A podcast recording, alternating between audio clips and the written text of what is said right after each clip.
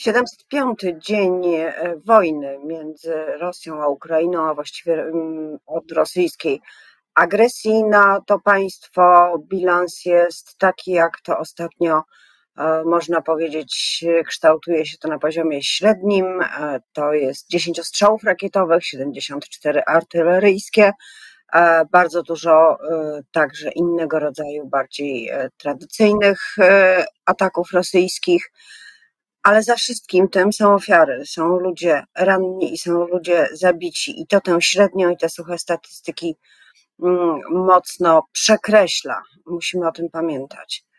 E, w polskiej polityce e, próba być może normalizacji, jakie są na to szanse, szczególnie e, w zakresie praworządności i rodzącego się dualizmu prawnego na poziomie Sądu Najwyższego, na poziomie Trybunału Konstytucyjnego prowadzonego przez Julię Przyłębską i co zrobić, i czy w ogóle coś robić z autorytetem Najwyższej Izby Kontroli. O tym już za chwilę będę rozmawiała z moim gościem. Dzień dobry, Zuzanna Dąbrowska. A moim gościem dzisiaj w formie półpodcastowej jest senator Krzysztof Kwiatkowski, były szef Najwyższej Izby Kontroli. Dzień dobry, panie, panie senatorze. Witam panią redaktor, witam państwa. Szanowni państwo, pod tym zdjęciem jestem ukryty na żywo i tylko względy techniczne powodują, że możecie państwo oglądać awatara, ale moje wypowiedzi będą moimi osobistymi przemyśleniami. Bardzo dziękuję za to zapewnienie. Od czego zacząć? Prostowanie i ujednolicanie systemu prawnego. Wiemy, poczynając od prokuratury, y, że właściwie w tej chwili panuje w niej dwuwładza. Prokuratorzy, prokuratorzy mianowani lub awansowani przez Zbigniewa Ziobrę są we własnym gronie i we własnej grupie. Prokurator krajowy im patronuje. No cała reszta podporządkowała się nowej władzy lub ją wręcz y, współtworzy i stara się pracować swoim trybem. E, Trybunał Konstytucyjny, no tam jakikolwiek wyrok by nie zapadł teraz w sprawie politycznej, to nie będzie uznawany przez rządzących, nie będzie uznawany za ważny. Może to być najwyżej instrument blokowania ustaw ze strony pana prezydenta. W Sądzie Najwyższym dwie izby. No nie ma sensu, żebym to wszystko wymieniała. Pan senator dobrze to wie. Od czego zacząć rozsupływanie tego węzła gordyjskiego? od przestrzegania przepisów prawa. PiS przez 8 lat tworzył równoległy wymiar sprawiedliwości dla swoich. My widzimy dzisiaj symbole tego, tak jak prokuratura w Lublinie, gdzie prokurator Ziarkiewicz upychał akta do garażu, tak że biedny kierowca narzekał, że nie ma gdzie samochodu trzymać. To były te wszystkie postępowania, w których występowały nazwiska polityków PiSu, a że nie można było przeciwko niemu prowadzić śledztw, no jako symbol niech podam słynne postępowanie, gdzie jednym z oskarżonych był brat komendanta głównego policji, chociaż on miał najpoważniejsze zarzuty, to wszyscy inni zostali przez sąd podjętą decyzją tymczasowo aresztowani. Jego brat oczywiście nie, a prokuratura wydzieliła jego e, postępowanie do odrębnego postępowania. Dzisiaj to wszystko, przepraszam, że powiem bardzo obrazowego porównania.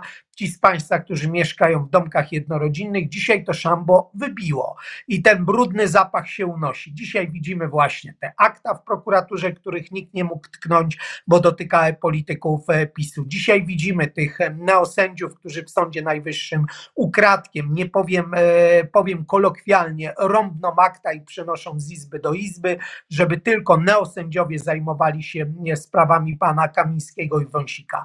Na czym nam zależy? Nam zależy na tym, że wymiar sprawiedliwości dla wszystkich był taki sam. Nie ma kasty nad ludzi, tych, którzy są członkami mm, e, lub rodzinami e, członków Prawa i Sprawiedliwości. Wszyscy wobec prawa są równi. I trzeba krok po kroku w każdym miejscu to robić, tłumaczyć, tak jak w prokuraturze, tłumaczyć, że jeżeli przepis prawa przestał obowiązywać 6 lat temu, to w oparciu o niego nie można mianować prokuratora krajowego, bo po prostu nie ma podstawy prawnej. I myślę, że krok Panie senatorze, przepraszam. Prostować. E, przepraszam, ale to, co Pan mówi, jest pewną drogą e, rozumowania i postępowania, e, którą, która na pewno jest też aktualna dla bardzo wielu członków rządu, na pewno dla ministra sprawiedliwości, tyle że to nie zmienia stanu faktycznego, w którym prokurator Barski wydaje decyzje, stara się je realizować, a część prokuratorów się z tymi decyzjami i z podejmowaniem przez niego decyzji zgadza. Więc pytam trochę bardziej praktycznie, co z tym zrobić dalej? Czy im ma się znudzić? A czy zwracam uwagę na przykłady, które już mamy. No, mieliśmy telewizję publiczną, gdzie nie przyjmowano do wiadomości, że po wecie prezydenta Dudy, które zablokowało pieniądze dla telewizji publicznej, minister kultury musiał wprowadzić, rozpocząć postępowanie likwidacyjne z uwagi na bardzo trudną sytuację finansową. No i oczywiście ci milionerzy z panem Adamczykiem, którzy zarabiali po prawie 200 tysięcy miesięcznie, okupację budynku poinformowany został, że koszty z tym związane będą w trybie odszkodowawczym dochodzone od niego. Natychmiast e, uciekł z tamtego miejsca i protest e, się zakończył. W przypadku prokuratury myślę, że prokurator generalny oczywiście cierpliwie czeka, ale za chwilę ma takie narzędzie jak postępowanie dyscyplinarne. Jeżeli nominaci PiSu, bo to protestują nie szeregowi prokuratorzy, którym w tym miejscu ciepło, serdecznie za ich trudną pracę dziękuję. E, protestują funkcyjni prokuratorzy. Dlaczego? Też już wiemy. To był dokładnie ten sam mechanizm, co w telewizji publicznej. Te kilkadziesiąt, chyba około 50 tysięcy miesięcznego wynagrodzenia, które pan Barski odbierał, kompletnie nielegalnie, bo on jest emeryta, e, prokuratorem emerytem, jest w stanie spoczynku, nikt go nigdy do czynnej służby nie, nie przywrócił. I przepraszam za określenie, to był taki nielegal, który przez dwa lata udawał, że tą prokuraturą kieruje. Ja jestem przekonany, że szeregowi prokuratorzy będą wykonywać swoje obowiązki, a najprawdopodobniej minister sprawiedliwości, prokurator generalny za chwilę będzie korzystał z narzędzi, które są opisane w ustawie o prokuraturze, związane z nierealizacją poleceń służbowych, związanych po prostu z wykonywaniem pracy. Jeżeli takie fakty będą miały miejsce, to jest to podstawa do wszczęcia postępowań dyscyplinarnych. Gazeta Wyborcza publikuje mm, projekt, czy też założenia projektu reformy Krajowej Rady Sądownictwa, zgodnie z którą z którym e, bez e, negowania statusu tak zwanych neosędziów po to, żeby nie wchodzić w sporne pole z panem prezydentem, więc bez, bez tego instrumentu planuje się przeprowadzenie powszechnych w środowisku wyborów do, do KRS. Czy sądzi pan, że tą drogą, czyli pewnego kompromisu z Andrzejem Dudą uda się dokończyć zmiany w wymiarze sprawiedliwości? Tak, bo projekt dotyka kluczowej rzeczy. Projekt, e, bym powiedział, powoduje, że będziemy mieli wreszcie prawidłowy proces nominacyjny sędziów, a z drugiej strony, dokładnie jest tak, jak pani zauważyła, projekt nie wchodzi kolizję z prezydentem. Na czym polega istota projektu? Prezydent mówi, nawet jak była wadliwa procedura, co jest potwierdzone wyrokiem połączonych izb Sądu Najwyższego, Europejskich Trybunałów, wadliwa procedura nominacyjna przez KRS, to moje wręczenie powołania sędziowskiego tą procedurę uzdrawia. I ja się mogę z tym nie zgadzać, ale politycznie uważam, że minister sprawiedliwości zrobił bardzo dobry ruch, bo y, ograniczył projekt tylko do sprawy związanej z uporządkowaniem sytuacji z Krajową Radę, w Krajowej Radzie Sądownictwa, żeby sędziów, którzy są reprezentantami polityków, bo nie samych sędziów, bo politycy i to wyłącznie politycy PiSu ich wybrali, zastąpić sędziami, którzy będą reprezentować reprezentować sędziów, bo to sędziowie będą ich wybierać, zresztą w bardzo ciekawej procedurze pod nadzorem wyspecjalizowanej e, instytucji Państwowej Komisji Wyborczej, która odpowiada za prawidłowość procedury wyborczych. Dzięki temu mamy szansę na to, że Krajowa Rada Sądownictwa będzie wybrana w sposób prawidłowy i przyszłe nominacje nie będą podważone, a prezydent, który zawsze podkreślał, że tylko ta sprawa już tych nominowanych go interesuje, będzie miał szansę wyjść twarzą i bym powiedział, zaczniemy wychodzić z tego dualizmu prawnego, chociaż to określenie, które czasami mówią pisowcy, jest po prostu nieprawidłowe, bo dualizm prawny to koncepcja w doktrynie prawa międzynarodowego, która powstała jeszcze pod koniec XIX wieku i ona akurat mówi o konflikcie między prawem międzynarodowym a wewnętrznym, ale politycy PiSu wielokrotnie udowadniali, że wiedza i znajomość przepisów, a także historii prawa nie jest ich silną stroną. E, panie senatorze, e, Najwyższa Izba Kontroli e, publikuje systematycznie raporty dotyczące poprzedniej władzy i ostatnim, który zrobił naprawdę niesamowite wrażenie, to był wielki raport dotyczący spółek Skarbu Państwa, tego na co wydawały pieniądze, tego w jaki sposób członkowie ich zarządów i rad nadzorczych byli wynagradzani, to oczywiście y, jest argument y, za obecną nową władzą i pewnie gdyby to się zostało wydane przed wyborami, efekt byłby jeszcze większy, ale osoba Mariana Banasia nie jest jednoznaczna i autorytet Najwyższej Izby Kontroli, zupełnie negowany przez opozycję, co jednak jest ważne, w sumie y, daje obraz taki niejednoznaczny, nie czarno-biały, czy należy odbudować autorytet Najwyższej Izby Kontroli, czy da się to zrobić z Marianem Banasiem jako prezesem?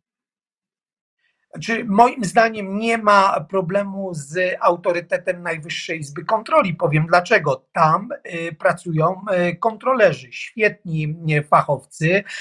Polska Najwyższa Izba Kontroli jest uznawana za jeden z najlepszych organów kontroli na świecie. Kiedy byłem prezesem NIK-u, my wygrywaliśmy między, audyty międzynarodowych instytucji, które robił polski NIK, pokonując organy kontroli Stanów Zjednoczonych, Niemiec, Francji i ci kontrolerzy się nie zmienili. My czasami zapominamy, że to nie Kwiatkowski, Banaś, a kiedyś Lech Kaczyński jako prezes NIK-u robili te kontrole, tylko robią je kontrolerzy.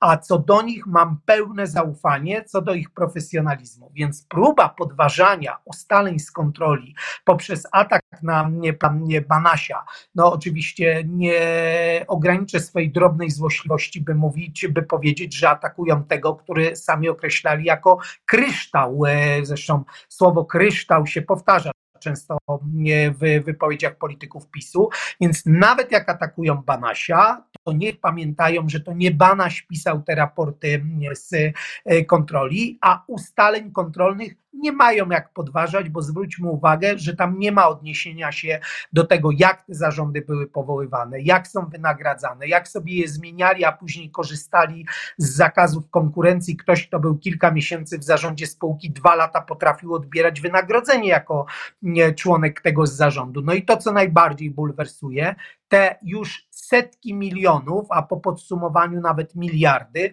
pieniędzy, które wypływały na sponsoring, na wspieranie różnych inicjatyw, oczywiście dobranych kluczem politycznym, tak jak Polska Fundacja Narodowa. No czegoś takiego nie było.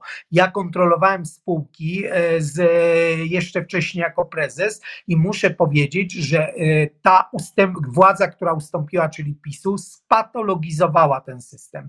Traktowała pieniądze nasze, obywateli, spółki Skarbu Państwa, to mienie Skarbu Państwa, czyli nas wszystkich, jak prywatną własność. To było coś niesamowitego, czyta ustalenia z kontroli. Panie senatorze, ale jednego elementu w pana ocenie mi zabrakło, czyli yy, pana prezesa Mariana Banasia. Ja wiem, że yy, to jego PiS e, wychwalał, to on był członkiem rządu Prawa i Sprawiedliwości, no ale potem poszedł inną drogą, jest jednym z głównych wrogów prezesa e, i PiSu. Czy e, nowa władza, czy koalicja 15 października ma do prezesa pełne zaufanie co do jego bezstronności, fachowości, pozycji, tego, że powinien pozostać na stanowisku?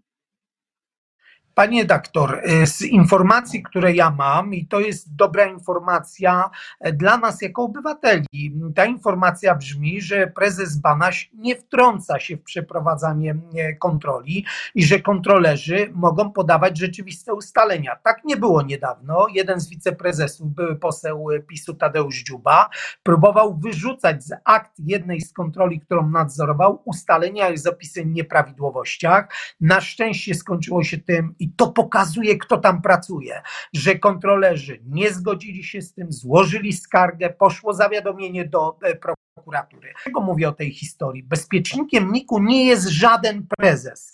E, oczywiście, gdyby prezes chciał, to może właśnie próbować naciskać i dla mnie nie ma znaczenia. Dla mnie znaczenie ma to, że dzisiaj e, kontrolerzy NIK-u podkreślają, przecież prezentują różne informacje z kontroli w wielokrotnie w Senacie, że mogą spokojnie nie pracować. I to jest dla mnie najistotniejsze. Prezes Banaś ani mi brat, ani mi swat, za to mogę powiedzieć, że instytucja pracuje normalnie i to jest dobra wiadomość dla obywateli, bo przecież nikt jest dla nas wszystkich. On ma sprawdzać, czy pieniądze publiczne, te, które odprowadzaliśmy w podatkach, są później rzetelnie, wiarygodnie oddawane. I tu mam dobrą wiadomość. Tak, NIK realizuje tą swoją misję i dzięki temu my możemy wiedzieć, czy rządzący nie kradną, nie defraudują, nie uciekają się do wyprowadzania publicznych pieniędzy na prywatne cele, a od tego właśnie jest NIK. Bardzo dziękuję panie senatorze za tę, jak pan powiedział, dobrą e, wiadomość. Dziękuję też za rozmowę i przepraszam za problemy techniczne. E, do usłyszenia. Do usłyszenia. Pozdrawiam wszystkich, którzy nas oglądali.